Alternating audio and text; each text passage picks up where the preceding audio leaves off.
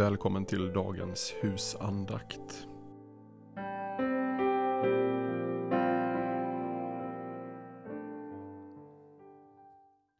Den 12 december. Hur skulle han kunna annat än att också skänka oss allt med honom? Romarbrevet 8.32 Denna slutsats följer av det som avhandlades i gårdagens stycke. Han som inte skonade sin egen son utan utlämnade honom för oss alla. När Gud har gett oss den allra största gåvan ska han väl inte neka oss något som är gott och nyttigt. Hans egen son är verkligen den största gåva som någonsin kunde bli given. Inget gott och nyttigt ska undanhållas dem som fått den stora gåvan av Gud.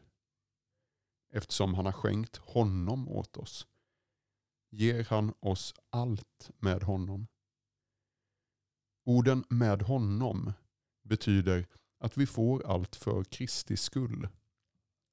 Bruden blir delägare i allt vad brudgummen äger. Redan här i tiden delar Fadern ut sina allra största gåvor med Sonen. En evig nåd och förlåtelse för alla synder. Vi har gjorts fria från lagen och lagens förbannelse. Vi har fått en evig rättfärdighet inför Gud. Den helige ande i hjärtat. De heliga änglarnas tjänst och beskydd. Bönhörelse och hjälp i alla bekymmer. Till slut får vi seger över synden och döden och ett arv i den himmelska härligheten. Är det inte mer än vi kunde vänta oss? Nej, tvärtom, säger aposteln. Han som inte skonade sin egen son utan utlämnade honom för oss alla, hur skulle han kunna annat än att också skänka oss allt med honom? Frågan hur skulle han kunna annat? Uttrycker den helt säkra, ja den nödvändiga konsekvensen Gud vill ge oss allt med honom. Denna härliga, fast förankrade tröst behöver ta till oss och använda oss av vid alla tänkbara behov av Guds nåd och hjälp. Du vandrar kanske nedtryckt av synder, faller och förgår dig ofta och tänker att Gud måste tröttna på dig och överge dig och ditt onda hjärta. Men om du vänder dig till nådastolen med bön om förlåtelse och hjälp skulle han inte förbarma sig, han som inte skonade sin egen son för att kunna skaffa oss en evig nåd. Skulle han kunna annat än att ständigt förlåta dig? Han som aldrig tillräknar dig någon synd. Från hans sida står det fast att han hela livet ska bära dig som du är på nådens eviga armar och i alla lägen försvara dig. Varför skulle han inte handla så i nåd mot dig? Han som inte skonade sin egen son utan utlämnade honom för oss alla. Detta gjorde han ju när vi var helt genomsyrade av olika synder och till och med var hans ovänner och föraktare. Varför skulle han då nu räkna med dina synder? Kanske du förskräcks och oroar dig över din otro och ditt hjärtas hårdhet. Du kan inte tro och glädjas över allt detta, över Guds kärlek och Sonens utgjutande. Och du suckar. Tänk om jag bara hade mer tro och liv i min själ. Borde inte Gud ge dig det när han gett dig sin son? Herren svarar, hur mycket mer ska då inte er far i himlen ge den helige ande åt dem som ber honom? Du klagar över att du inte ens kan be så flitigt och allvarligt som du borde, utan är kall och försumlig i bönen. Du vill att Gud ska hjälpa dig även med detta. Skulle han inte göra det? Han som inte skonade sin egen son, utan utlämnade honom för dig.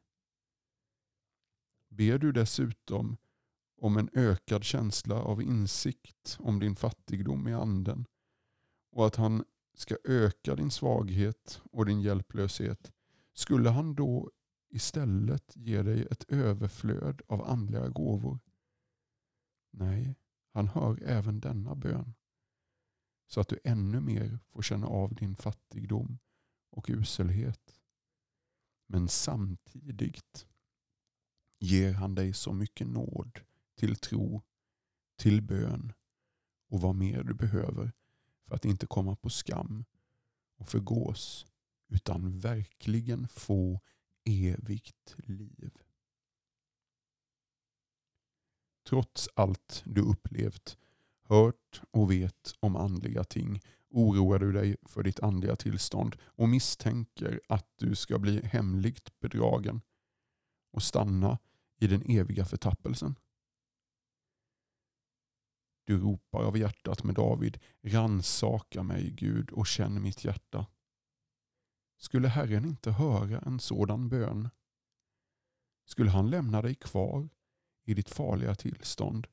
Han som inte skonade sin egen son utan utlämnade honom för oss medan vi var Guds fiender.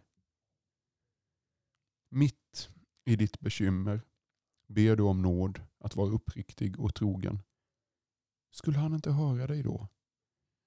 Du känner och anar hemska frestelser och ser ingen möjlighet att fly undan men du önskar och ber att Gud ska skynda till din hjälp. Du lider av jordiska bekymmer, fattigdom och sjukdom. Du lider av andras förtal och misstankar och ser ingen utväg på jorden utan vänder dig till din far i himlen. Skulle han inte höra dig och ge dig och ge all den hjälp du behöver? Han som inte skonade sin egen son utan utlämnade honom för oss alla. Kort sagt, mitt hjärta angrips både utifrån och inifrån och jag känner mig som i en virvelvind är omtumlad i allt mitt tvivel. Jag vet inte var jag själv befinner mig eller vad Gud tänker om mig. Jag blir fördömd i mitt samvete för synd och trolöshet. Vilken oerhörd tröst och vila när jag då får se upp till honom som för vår skull inte skonade sin egen son och som från världens begynnelse bönhört och hjälpt alla dem som ropat till honom. Ja, tänk när jag en gång ska dö och evighetens mörker kanske hotar mig och min själ oroas av fasansfulla tankar på det förgångna och det som väntar. Vilken tröst om någon då ropar i mitt öra. Han som inte skonade sin egen son utan utlämnade honom för oss alla. Skulle inte han hjälpa dig nu? Tror du inte att han är en lika trofast vän och hjälpare i döden som han varit i livet? Skulle han inte, när vår prövotid är slut, uppenbara sin överflödande nåd utan några begränsningar och ge oss allt med Sonen? Ja, o Jesus, du som gör utöver vad vi beder eller tänker här. Giv åt var och en vad han behöver. Giv åt var och en vad nyttigt är. Bär oss, bär oss på din, ditt trogna hjärta. Rista där med eldskrift våra namn. Och låt ingen lust och ingen smärta rycka lammen ur din herdefamn.